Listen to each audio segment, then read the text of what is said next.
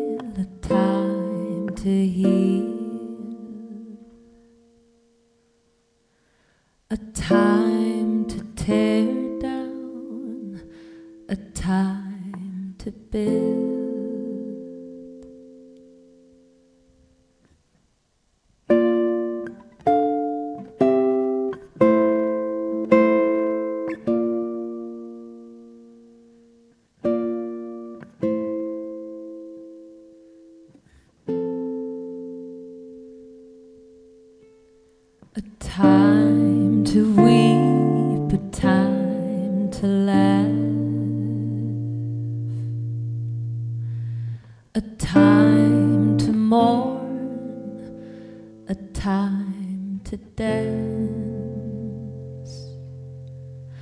a time to scatter stones, a time to gather them.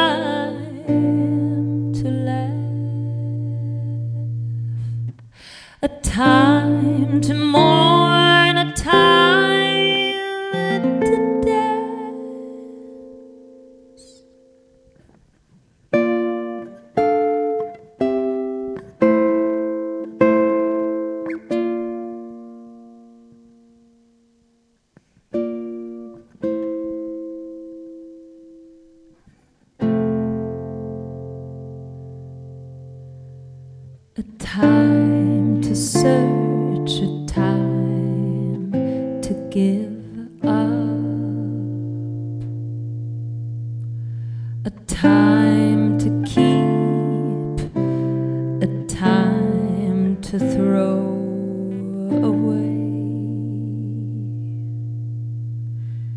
a time to tear, a time to mend, a time to be silent, a time to speak.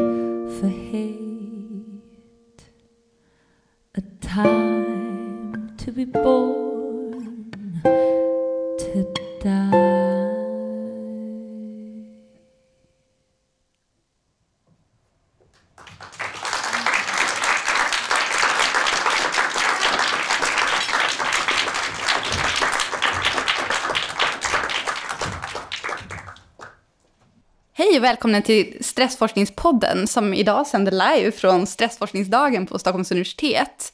Eh, och eh, temat för hela dagen har ju varit kris och dagens poddavsnitt ska fortsätta på, på det temat. Eh, och som vanligt så är det jag, Sandra Tam, som är läkare och forskare och Mats Lekander som håller i podden. Hej Mats! Hej hej! Och idag har vi den fantastiska gästsångerskan Isabella Lundgren med som, som gäst i podden. Och vi fick ju precis höra dig sjunga en låt här innan vi drog igång och det var så otroligt fint och så roligt att ha dig här. Tack. Vi, vi tänkte börja med att prata utifrån den här låten. Skulle du vilja berätta lite kort vad det är för... Varför du valde låten? Det är eh, en text som jag har skrivit musik till eh, tillsammans med en god vän till mig. Som kommer från eh, predikaren i Gamla Testamentet i Bibeln. Eh, och det är egentligen inget eh, religiöst eh, alls med själva valet av den utan eh, att den fångade något eh, som jag själv har haft eh, kamp med att acceptera. det vill säga att livet, hur mycket jag än önskar, inte bara består av att jag får precis som jag vill hela tiden och att allt är enkelt och lätt och ljuvligt och härligt utan en massa motstånd och kamp och att det är rörelsen mellan de där motsatserna som gör att det ena blir det andra eller ens känns som det andra. Så den här texten har varit mycket tröst för mig i mitt liv, i mina egna försök att acceptera världen som världen är. Just det, och i relation till dina kriser om man nu ska Exakt, koppla tillbaka. Ja, precis. precis. Eh, och eh, du har ju, jag tror att många av lyssnarna känner till vem du är, eh, att du är en fantastisk jazzsångerska. Men i dagens poddavsnitt så ska du också få prata lite grann om din, din historia och din relation just till, till kriser inte minst. Mm. Så, så vill du börja där? Oj, gud. en, en hård start, ja. Isabella. Vem är du? Och, berätta om dina kriser. Ja, ja, men det är inga problem. Kan du berätta har... om din musik först? Ja, men det är roligare att prata om kris. Eller? Vi hinner prata om båda, tror jag. Ja, se vad bra. um, alltså, det finns ju så många... Eh, så många kriser, så jag vet inte vart jag ska börja. Men... Um, Eh, de hänger också ihop på något vis, eh, de där två, musik och kris. Eller all konst och kris. Men jag tror det har...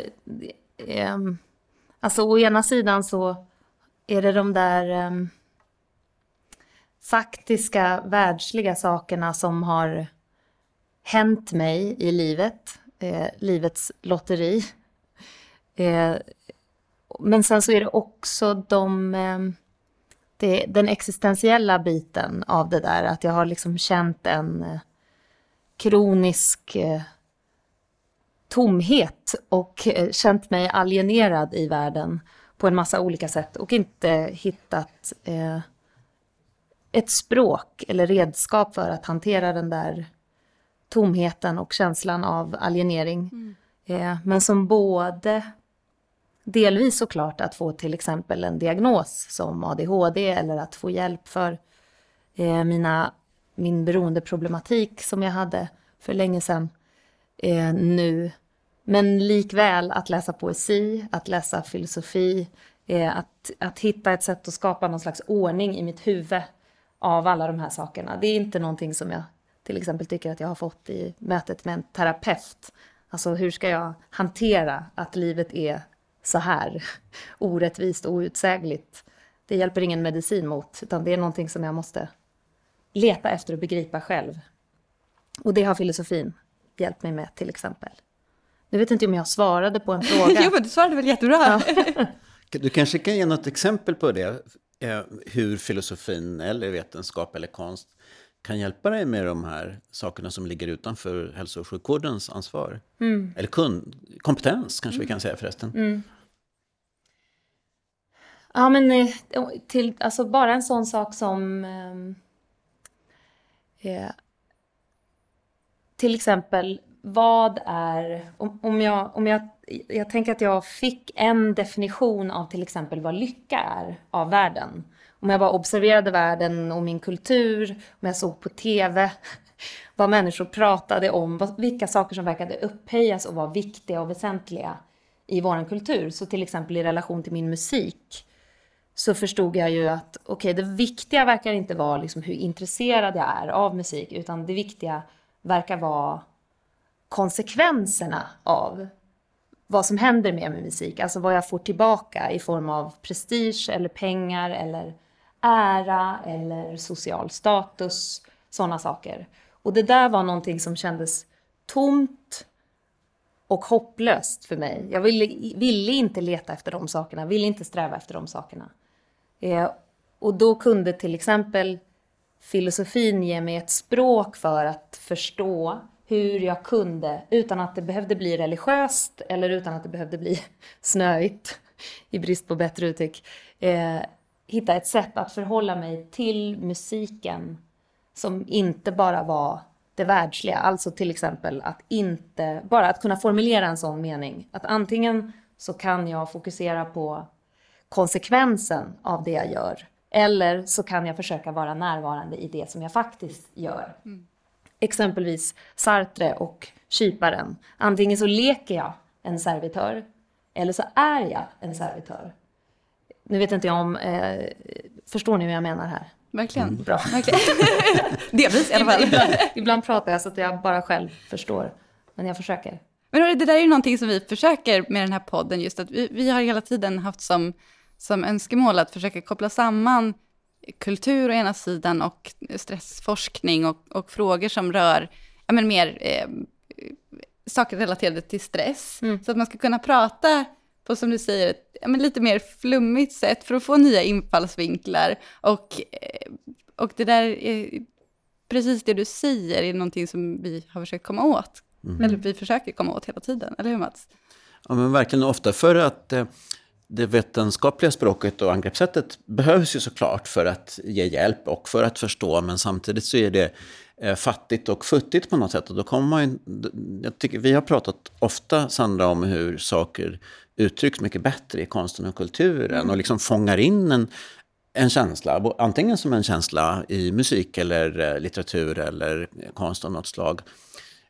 Eller faktiskt beskriver den, alltså mm. med, med, ord, kanske med toner samtidigt, mm. eller i poesi, som någonting som, som är viktigt för oss, men, men som inte fångas in av det här lite så här fyrkantiga mm. vetenskapssättet. Så, så, kulturen har ju så många roller, men om man tänker för oss som forskare så, så är ju den också en, liksom en vektor, eller om man ska någonting som puttar in mm. eh, en känsla i systemet som gör att vi kan öppna oss och förstå. Mm. Och då, för då blir jag nyfiken, nu ställer jag en parentesfråga här. Vi klipper bort den. För, vad sa du? Vi klipper bort den. ja, det, precis, det bestämmer du. Nej, men jag tänker att, att, tänker du då att vi pratar för lite om upplevelsen i en, alltså värdesätter vi upplevelsen i musikstunden för lite om vi pratar mycket om konsekvenser av, av till exempel musik? Ja. Ja, och då, ja. Ja, men jag tänker det till en, en av mina favoritböcker som är skriven av Erik From heter Att ha eller att vara. Mm. Och han beskriver också hur eh, västvärlden har blivit så besatt av själva ackumulerandet av ting och saker. Det behöver inte bara vara ting och saker utan att det har blivit en livsstil att ha. Eh, men på bekostnad av att vara. Ja. Och det är, det är svårt att hitta ett, eh, hitta ett språk för det där som man egentligen inte vet vad det är och som känns outsägligt. Men alla har på något sätt en relation till det ändå. Hur det kändes för mig att sjunga innan jag var medveten om att jag var betraktad. Mm. Och meningen inte alls då handlade om att vara betraktad. Nej, som var, var ett spontant uttryck utan ja. självvärdering ja. tror jag då. Eh, och för då kommer en följdfråga som också är inspirerad av tidigare inslag här idag eh, under stressforskningsdagen. Och för då undrar jag hur du, hur du upplevde din sång. Hade du en röst som kommenterade din prestation? Eller var du i, i sången och med Mats Bergströms fantastiska komp?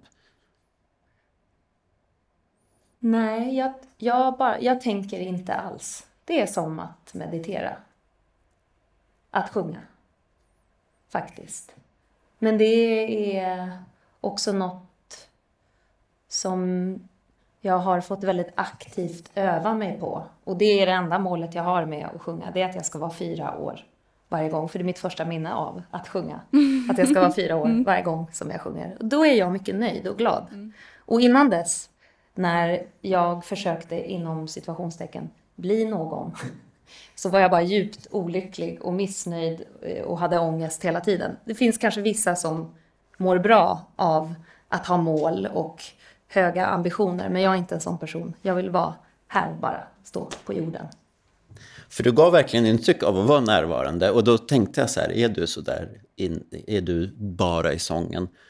Eller är du som Thomas Tranströmer uttrycker det, en som härmar en som ser lugnt på världen? Ja, jag, det är både och. Jag kan, jag kan, när, när jag sjunger, då är det sant. Sen i andra stunder är jag nog jättebra på att härma någon som ser lugnt på världen. Och sen är det absolut kaos inuti. Men, Beskriver mycket av min vardag, jag pysslar mycket med det. Ja. Vi, vi pratade ju faktiskt lite om de här grejerna i ett tidigare avsnitt med Fredrik Ullén, och vi pratade om, om flow och liksom hur, man, ja, men hur man kommer in i den känslan på något sätt. Och jag kan personligen också känna där att, att eh, för vi som håller på med musik som vår bi, bigrej, som har, liksom, vi gör ju andra saker, eh, att för mig när jag började se på musiken på det sättet, då kom jag i det där som du beskriver, att, så, ja, men då kan man slappna av, då kan man spela för att det mm, är roligt. Ja. Ehm, och inte vara, jag kanske tillhörde de här mer ångestdrivna personerna i samhället. ja, men det är så skönt när det får vara så. eller hur? Eller hur? Eh, Men för att komma tillbaka till det här med, med inre kris, för stressforskningsdagen idag har ju handlat ganska mycket om, om kanske yttre kris, eh, där det, klimatkrisen har varit ett tema till exempel. Men, och vi tänkte i det här poddsamtalet prata lite mer om, om inre kris. Men eh, hur tänker ni egentligen båda vad, vad vi menar med det? Eh, Här utbreder sig en lätt tystnad. eh, nej men jag, det är väl då någonting som utmanar en på, på djupet, där man inte kan gå på automatiserade beteenden, utan måste ha ett större perspektiv, ifrågasätta sig själv och sina livsval. Och jag antar att det också är då givet att det är känslomässigt engagerande eller störande, att det är så kraftigt så att man blir störd i, sin, i sitt normala leven eh, och mående. Så- att jag förknippar just med ångest och oro, men också eh, såklart lite med den nytta det kan ha med att, att då och då stanna upp och ifrågasätta saker. Och sen tänker jag förstås också på mer vetenskapliga, eller ja, nej, är det det? Ja, men åtminstone medicinska begrepp och diagnoser som, som krisreaktion eller anpassningsstörning, där vi kan, faktiskt kan ha en etablerad diagnos för ett visst tillstånd. Precis, för, för så tänker jag lite grann också, det här med att man, eh, det kan ju vara en yttre stressor, som jag pratade om i tidigare avsnitt, som, som på något sätt utlöser, men, men det inre kanske då handlar mer om reaktionen, eller krisreaktionen, eller som ehm, det som man, man upplever i viss mån, även om det, ja, Ja, men precis. För, för det kan naturligtvis vara utlöst, utlöst av en, en yttre händelse, men det kan ju också väckas just av att man då och då just stannar upp och med eh, rätta frågar sig var man är på väg i livet. Om man håller på att rättfärdiga gamla beslut snarare än att fatta nya, så bra beslut som möjligt. Så det, det kan ju naturligtvis komma inifrån. Och det är också ett, ett ämne som har kommit upp här under stressforskningsdagen, men, men vad som är det normala jämfört med vad som på något sätt är patologiskt i sambandet. För en, en krisreaktion som svar på yttre omständigheter eh, är ju eh, normalt och förväntat. Och det hade ju varit onormalt att inte reagera på, på ett yttre hot. Eh, men däremot så kan ju de här krisreaktionerna också bli maladaptiva, eller att det leder till en funktionspåverkan och att man då får ett, ett eh, kliniskt problem, eller att man får ett problem som man söker hjälp för. Och, och ibland kallar vi det för anpassningsstörning då, om det är liksom en, en reaktion som är eh, för mycket i relation till vad som har hänt. Och sådär. Um, och jag tänker också att det är, det är intressant, för jag träffar ju många patienter till exempel som har en grundproblematik, att man har en ADHD till exempel, att man har en annan sårbarhet som gör att man även vid de här normala eh, yttre stressorerna kan hamna i någonting väldigt allvarligt. Man, man har sin kroniska sjukdom och sen så kanske man hamnar i en skilsmässa eller vad det nu kan vara. Eh, och att det då leder till till exempel menar, ett suicidalt beteende eller någonting som blir ett, ett väldigt påtagligt eh, kliniskt problem. Ehm, och att det också är viktigt att komma ihåg. Mm. Ser du det ofta i, i kliniken? De här jag, jag liksom, tycker... så kallade stressutlösta ja, eh, eh, psykiatriska Verkligen symptom. så. Verkligen patienter som, som har en annan grundproblematik, där det är på något sätt droppen. Ja, det ser vi jättemycket av. Mm. Mm. Hur var det för dig där Isabella? Nu, nu går vi in på dig igen här. Kan, kan du berätta lite om, om din kris eller hur du, hur du upplevde det, hur du tog dig ur det som jag tror du har gjort? Ja, en eller två eller tre i alla fall. det är ditt val, vad du vill dela eller berätta om. Jo, men det där är ju också är ju säkert, eh, eller det är klart att det är så olika beroende på vilken plats i världen man står på och hur man står på den platsen och vad man har runt omkring sig och i sig och allt det där andra som man inte har valt. Ehm, men det känns som för mig att alla kriser, ehm, alla gånger av att tappa fotfästet, så har jag lärt mig någonting som eh, jag har behövt ha med mig till nästa gång. Som det är en annan kris igen. Jag, eh, vet inte, men jag, för min del så jag tror att jag har tänkt på det som att en, varenda gång jag har stått inför någonting i livet, hur eh, banalt eh, eller icke banalt man kan tänka sig att det är, så har, jag, har det känts som att jag liksom har stått nedanför Mount Everest utan kläder och utrustning. Och så är det någon som säger så här, nu ska du gå upp dit. Varsågod. Mm. Och så tänker jag, nej, det går inte. Men det går till slut. Men sen varenda gång jag har kommit upp dit så har jag tänkt att då, då är det skiner solen och det är en härlig mild bris och allt är ljuvligt och så tänker jag nu har jag hittat det. Nu är jag klar, vad skönt. Och då kommer molnen igen. Och det regnar och snöar och åskar och då tänker jag jag har gjort något fel. Jag måste gå ner igen och börja om. För det är något jag inte har fattat. Och nu så känns det som att jag, att jag på något vis har accepterat att jag kan inte styra vädret där uppe. Det kommer vara så där. Jag kan inte ta mig upp på toppen och det, det kommer aldrig någonsin vara konstant bris och härligt solsken utan jag måste lära mig att tåla det där vädret. Det dåliga vädret, för det kommer alltid vara så. Men kände du tillförsikt då? Alltså när, när eh, du är, är där nere, kan du känna tillförsikt i att du kommer ta dig upp? För det tror jag kan vara ett av problemen, att man då blir utan hopp när man är väldigt nedstämd till exempel, eller i ja, en kris. Verkligen. Men jag tror jag har... Eh, livet har gett mig någon sån eh, egenskap. Att jag orkar. Jag känner många som inte har orkat. Som har velat och kämpat och försökt men som inte orkar. Det blir liksom för tungt för dem. Så tack och lov eh, har jag orkat. Men det är verkligen inte självklart. Det är det inte. Men, men jag tänker, kan vi prata lite om, eh, om vad du har fått för, för hjälp? Om vi, Får jag säga innan bara, att ja. jag, det här som du säger nu, knyter inte det an otroligt bra till texten i låten som du framförde också? Mm. Det, här, det finns en tid för alla delar.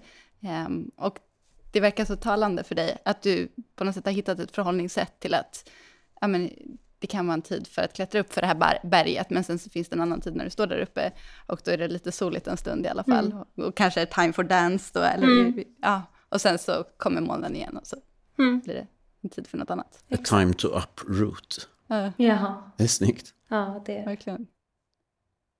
Och så är det. Harry Martinsson skrev eh, dikter om mörker och ljus, så skrev han Varje djup sorg har en förlorad glädje som föremål. Tappa inte bort denna riktning. Sorgen är den djupaste ära som glädjen kan få.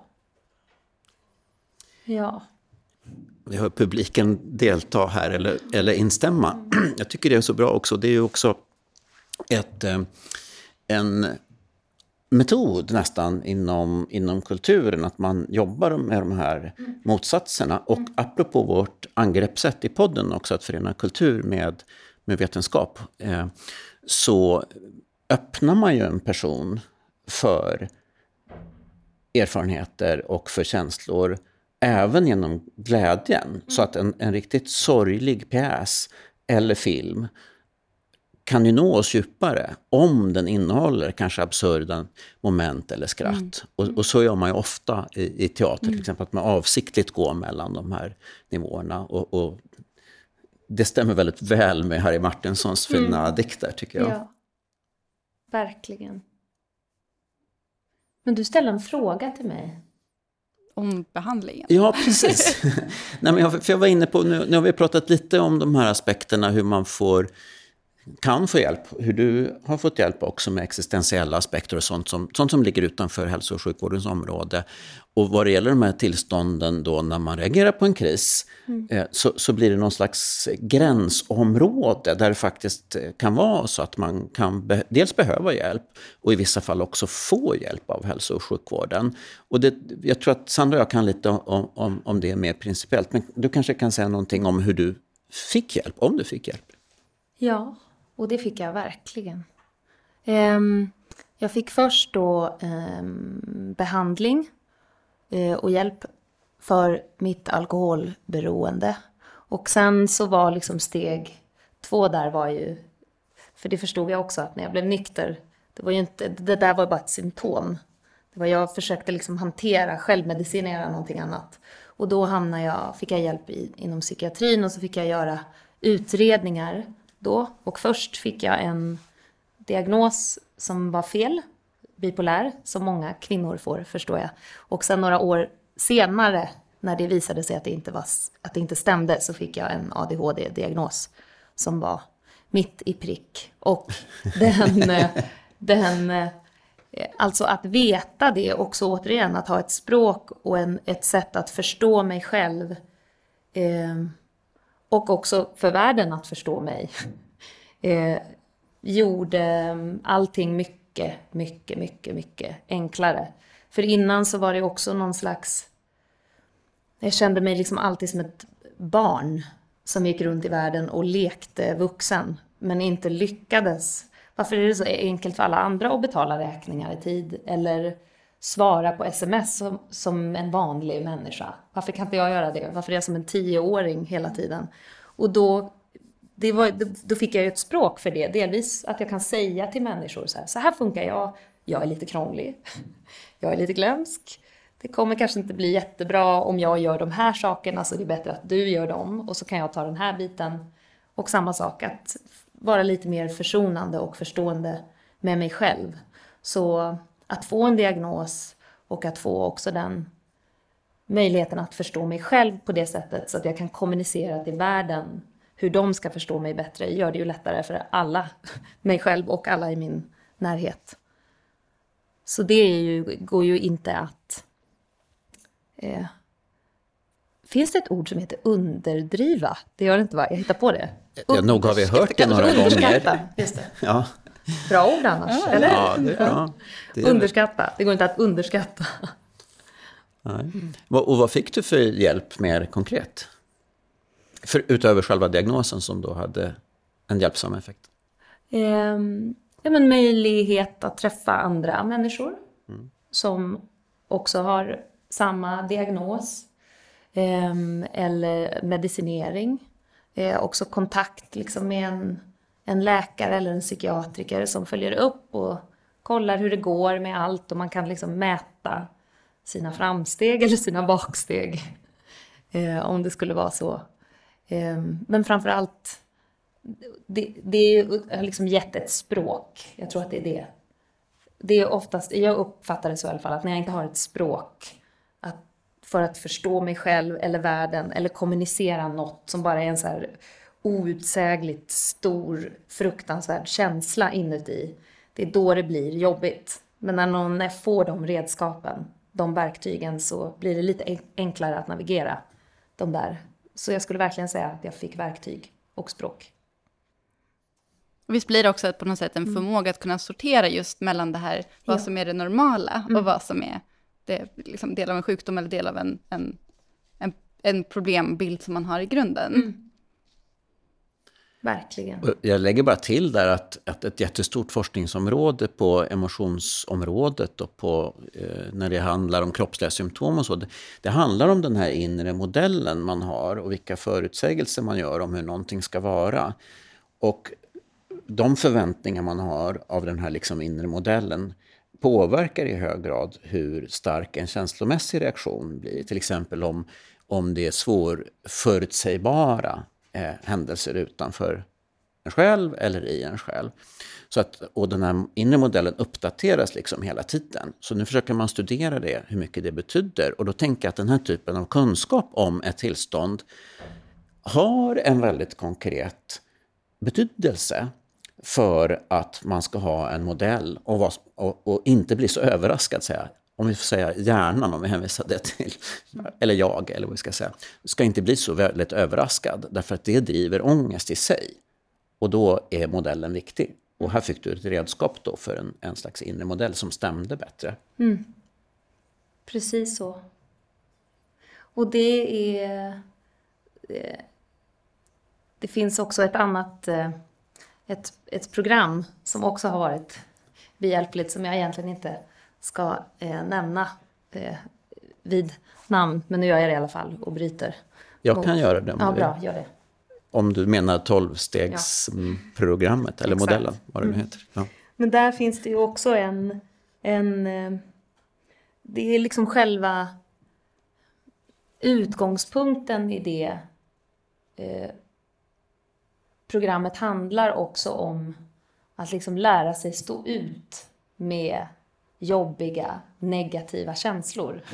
Och inte på ett sånt där cyniskt, eh, hopplöst sätt. Eh, men för många eh, beroende, eh, i likhet med mig, jag vet att jag liksom har försökt bli av med de där känslorna genom att dricka för mycket eller att kasta mig in i relationer. Det tänker jag också är någonting som alla ägnar sig åt på ett eller annat sätt, beroende eller inte. Men just det där att om man, om man sen då tar bort den där kryckan, om det har varit att bli full eller hög, eller bli förälskad eller shoppa eller spela, eh, så står man plötsligt kvar där med den här fruktansvärda tomheten som inte har någonstans att ta vägen. Och det, det jag tycker det var första gången som jag lärde mig, alltså som jag fick lära mig att försöka stå ut med sådana känslor. Att vissa saker går det inte bara att bli av med. Och det kändes ofta som att världen, det jag hade lärt mig i världen var på något vis att ja, men antingen så ler man och liksom slätar över det där som är jobbigt inte adressera det, inte ta, inte stå med det, inte sitta i det. Och det fick jag lära mig där. Eh, och det tycker jag har rustat mig för livet på ett sätt som nog ingenting annat har rustat mig för livet. Att våga stå kvar i det, att det här är en del av att vara människa. Det går över. Och så tänker jag nu om allt. Allt går över. När jag är jättelycklig så tänker jag nu, passa på nu, det här kommer gå över. Men inte jobbigt, utan bara så här. Då blir jag mer glad också för att det här, det här, så här kommer det inte vara jämt. Absolut inte. Och samma i djup sorg. Sorget, hur är, sorgen är det bästa priset glädjen kan få. Det är inte exakt så, men ungefär. Nästan. Eller hur? Ja, det är visst. kontrasten. Ja, precis. Och det anknyter också så väldigt bra till det vi har pratat om på den här dagen, stressforskningsdagen, tidigare. Och bland annat så har Tove Wahlund eh, berättat om oro när den är för stark och sätt att hantera det. Och det tycker jag Eh, eh, har klara beröringspunkter, det du beskriver med det Tove berättade om hantering av överdriven oro. Då, om att undvikande kan vara dåligt, att självmedicinering kan vara dåligt. Men att dela eh, en känsla, att kunna vara kvar i den och eh, dela den med andra. Mm kan vara ett viktigt verktyg för att sen eh, må bättre, så att säga. Och, och, och det är en del av tolvstegsprogrammet, eller hur? Själva delandet. Vad är det här måendet och dela det med andra? Precis. Och att eh, man inte kommenterar till varandra. Att man inte ger varandra råd, utan alla får dela och sitta med sin känsla tillsammans. Eh, och sen så finns det liksom verktyg och redskap, återigen, för att, för att hantera alla de där stora känslorna som kommer. Och det finns ett hopp. Det är inte liksom något tomt, cyniskt, eh, allt är skit. Det är bara att, det är bara att acceptera det. Utan eh, det, är, det, är, det handlar bara om att våga stå kvar i det tillsammans. Hur är det med eh, den religiösa aspekten av det här tolvstegsprogrammet? Finns, finns det kvar? Eller är- har det med religion att göra? Ja, eh, det är ett andligt program ju. Men eh, det finns ju ingen...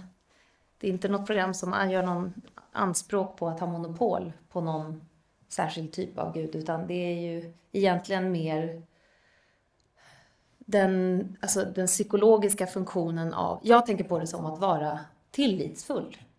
Att om... Eh, om jag inte har kunnat i mitt liv lita på mig själv av olika anledningar, på min inre kompass eller min intuition, eller om jag inte har kunnat lita på min familj och jag har varit, gått runt i världen och varit rädd hela tiden och klamrat mig fast vid saker och försökt kontrollera saker, så måste jag släppa taget om det där och sen börja lita på att kanske om jag bara låter det så löser sig saker. Kanske inte precis som jag vill, inte som jag har tänkt eller föreställt mig, men de kanske ändå blir så som de ska.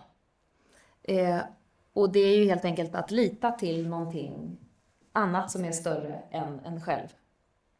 Att det inte är jag som är Gud. Eh, och sen om man vill kalla det universum eller Kristus eller Buddha eller ingenting. Eh, eller ett eget påhittat namn, det spelar inte så stor roll. Så mer om att lära sig vara tillitsfull i världen. Och det kom alldeles nyligen en stor översikt över evidensläget för den här typen av behandling. Vill jag bara flika in. Spännande va? ja, men det är ett, ett, ett institut som heter Cochrane då, som gör stora litteraturöversikter. De har gjort tidigare kring tolvstegsprogrammet och, och konstaterat, klinikerledd så, sådan, eh, och konstaterat att det, att det inte fanns kanske till, inte så starka slutsatser man kunde dra på grund av för få studier och så vidare. Men så är det inte längre, utan nu tycker man att man har starkt stöd för att det här programmet då har lika god eller faktiskt bättre effekt än andra aktiva behandlingar, inklusive kognitiv beteendeterapi, och att över 40 procent har då kraftigt reducerat alkoholkonsumtion efter, efter ett år. Så utifrån den översikten så, så finns det klart stöd för, för det programmet. Fint. Sug på den. Sen, det som gör det lite komplicerat är väl just den här aspekten att i den översikten så är det det här klinikerledda och, och tolvstegsprogram finns ju väldigt många olika versioner. Ehm, så att, ja, man, man får väl vara lite försiktig med vilka slutsatser man drar för alla tolvstegsprogram i, alla, ehm, ja, i alla settings. Så. Ehm, men det är väl också ganska uppenbart att det är många komponenter ur det som liksom ett vanligt tolvstegsprogram som också rimmar väldigt väl med liksom, hur man tänker kring psykologisk behandling överlag. Alltså just det här med, med ehm, ja, men också bara den grejen att man, man får uttrycka de här känslorna, att man får landa i dem och att man eh, inte ska, ja men som du var inne på också, att du vågar ta tag i den underliggande känslan snarare än att hitta undvikande beteenden som man då kanske hade eh, kallat det i ett annat sammanhang. Jag har en fråga lite mer riktad till dig Sandra egentligen. Och det är att, eh, åtminstone i primärvården så eh, ser vi att över 50 procent av de som söker hjälp där för så kallade psykosociala problem, så här, då är det inte sådana som där man kan ha en diagnos och har en utprövad behandling, utan det är mer livs, förlåt, livskriser och omställningar och sånt. Och eh, eh, det, det, jag tycker det knyter an också till att, att man i akutsjukvården har väldigt mycket besök som egentligen Mm. inte är akuta. Men hur ska man kunna veta när det är någonting man ska...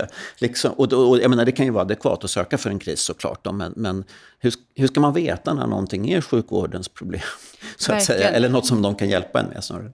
Ja, men, och, och man kan ju fråga vem det är som ska veta, om det är då patienten eller om det är liksom, vi som sjukvård. Och där tänker jag också att, att eh, min inställning personligen är att liksom, man ska hålla sig borta från läkare i första hand, för att vi tenderar att, att göra mer skada än nytta i många, i många lägen. För att, till exempel så är vi ganska snabba med att sjukskriva patienter och i de lägena är det ofta rätt ohjälpsamt. Vi tenderar ofta att eh, liksom skriva ut sömnläkemedel som också är ganska ohjälpsamt i, i det långa loppet. Eh, så att jag, men däremot så finns det ju otroligt många kompetenta sjuksköterskor ute i primärvården och kuratorer och liksom psykosociala team som kan ge eh, råd kring problemlösning och guida så att man, man hittar, eh, ja men, liksom får råd kring, för att på samma sätt som om man skulle få feber så kan man ju ringa till 1177 eh, och få ett råd kring huruvida man ska söka eller inte. Och på samma sätt så kan man ju ringa till vårdcentralen och säga att men jag mår, just nu känner jag mig eh, olycklig över eh, den här separationen. Hur tänker du? Eh, men att man kanske då inte nödvändigtvis behöver bli inbokad till en läkare som ordnar med sjukskrivning och, och läkemedel. Så tänker jag kring det. Mycket Fast- klokt. Vad svårt. Alltså det måste vara att möta människor på det sättet. Man ser dem i en situation i en sekund och har så mycket ansvar också. Jag bara kastar ut det, att det, är, att det verkligen är, det är mycket att, att bära helt enkelt. Ja, eh, jo, det är väl... Ja, å ena sidan. Å andra sidan så, eh, med risk för att låta lite cynisk, så, så här, jag tänker ju inte på psykiatriska sjukdomar på annat sätt än vad jag tänker på andra sjukdomar. Eh, utan min uppgift blir att diagnostisera, finns det en depression här eller inte? Om det inte är en depression, ja, men är det då liksom ett, ett sjukvårdsproblem? Så att det blir någon form av sortering. För att vår uppgift är ju på något sätt att diagnostisera det som är sjukvårdsproblem. Och sen, jag menar, det är klart, det är klart eh, jag förstår vad du menar med att det är tungt ansvar.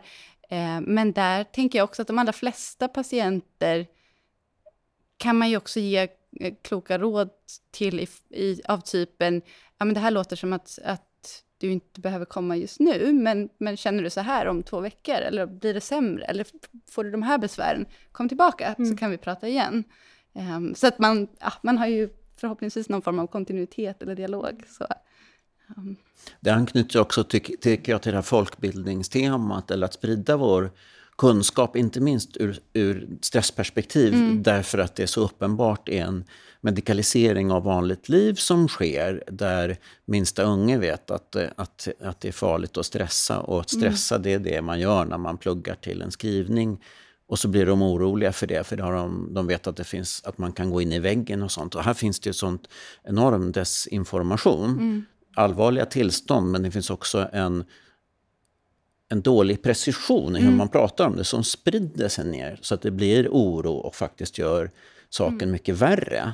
Så att vår folkbildningsuppgift är, är så viktig. Mm, precis, för det där är ju, det återknyter ju igen, men just det här att kunna sortera mellan, så här, ja men det här, det, är ingen fara ifall du sover lite kortare under ett par Nej. dagar eller under ett par veckor, men har du dålig sömn, under en lång tid så, har så har vi ett problem. Eller samma sak, att kunna skilja på vad som är en, en akut krisreaktion på en skilsmässa jämfört med någon som är inne i en djup depression med suicidalitet. Det är ju eh, det är svårt, men det, som du säger, det handlar ju om att både folkbilda men att eh, också utbilda inom sjukvården, att vi alla blir bättre på det där. Ja, eh, är det så att vi ska börja närma oss avslutningen av, av dagens poddavsnitt? Eh, du skakar, nickar. Ja, Ehm, någonstans här. Ja, någonstans här. Eh, för det har varit otroligt intressant att få prata med dig, Isabella. Och det är ju inte riktigt slut än, utan vi ska ju alldeles strax få höra dig sjunga lite mer. Ja. Eh, vill du berätta innan du sjunger vad det är för låtar du ska framföra? Ja, det är eh, en sång som är skriven av eh, Michel Legrand med text av Alan Bergman. Eh, som heter The Windmills of Your Mind. Och jag tycker den är, det är en sån otrolig text om eh, människans medvetande och eh, den eh, oändliga frihet och krånglighet som existerar där i. Ehm, och sen är det en av de vackraste sångerna som får sätta någon slags hoppfull ton ändå. Eh, som är skriven av Jeep Harburg och Harold Arlen som kommer från en film som heter Trollkarlen från Oz. Som Judy Garland sjöng hela sitt liv. Eh, och som ju handlar om att längta. Om en bättre, lättare plats. Somewhere over the rainbow. De tänkte jag om att spela. Det kommer bli fantastiskt. Så eh, med de orden så kanske vi tackar för dagens poddavsnitt. Tack så mycket för att du var med och tack, tack som vanligt Mats. Tack så mycket. Tack Isabella. Tack. Och tack Mats.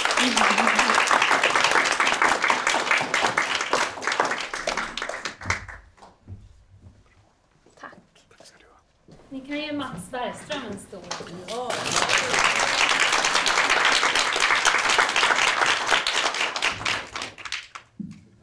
Mm.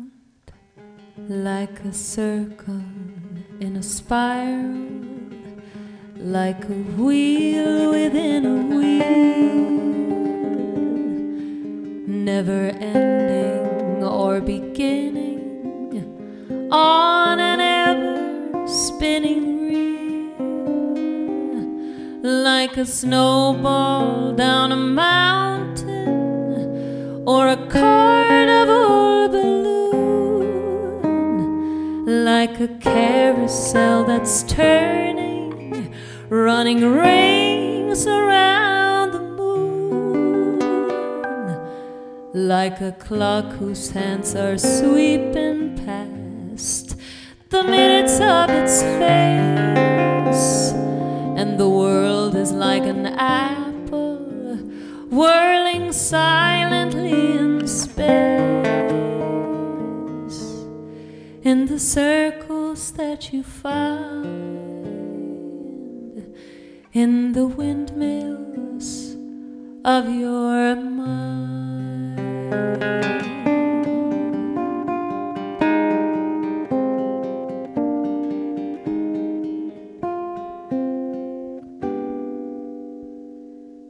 Like a tunnel that you follow to a tunnel of its own, down a hollow to a cavern where the sun is never shown, like a door that keeps revolving in a half forgotten dream, or the ripples of a pebble someone tosses in a stream like a clock whose hands are sweeping past the minutes of its face. And the world is like an apple whirling silently in space. In the circles that you find in the of your mind.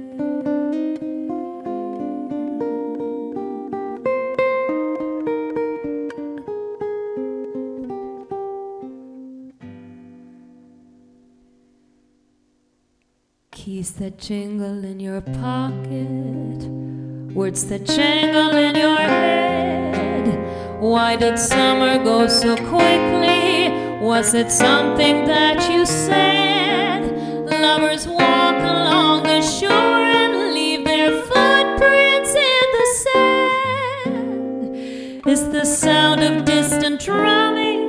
Just the fingers of your hair? When you knew that it was over in the fragrant of a song, half remembered names and faces, but to whom do they belong? When you knew that it was over, you were suddenly aware that the autumn leaves were turning to the color of his hair.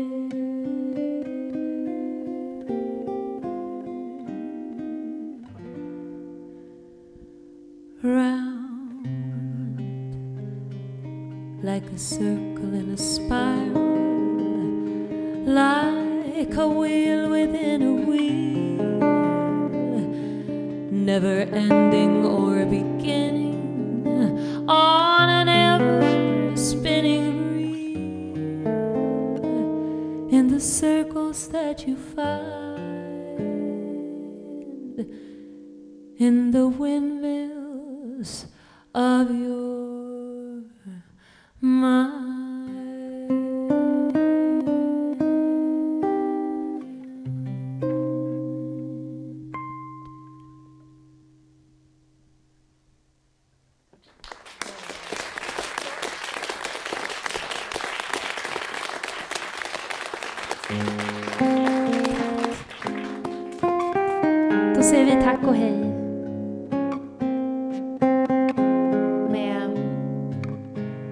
Längtan och drömmar och förhoppningar, trots allt. When all the world is a hopeless jumble and the raindrops tumble all around, then heaven opens its mouth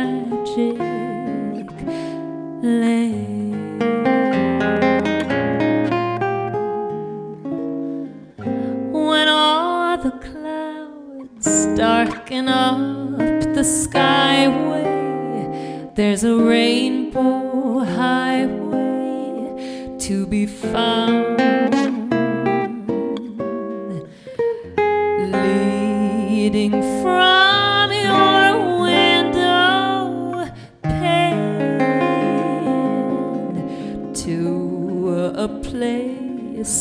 Behind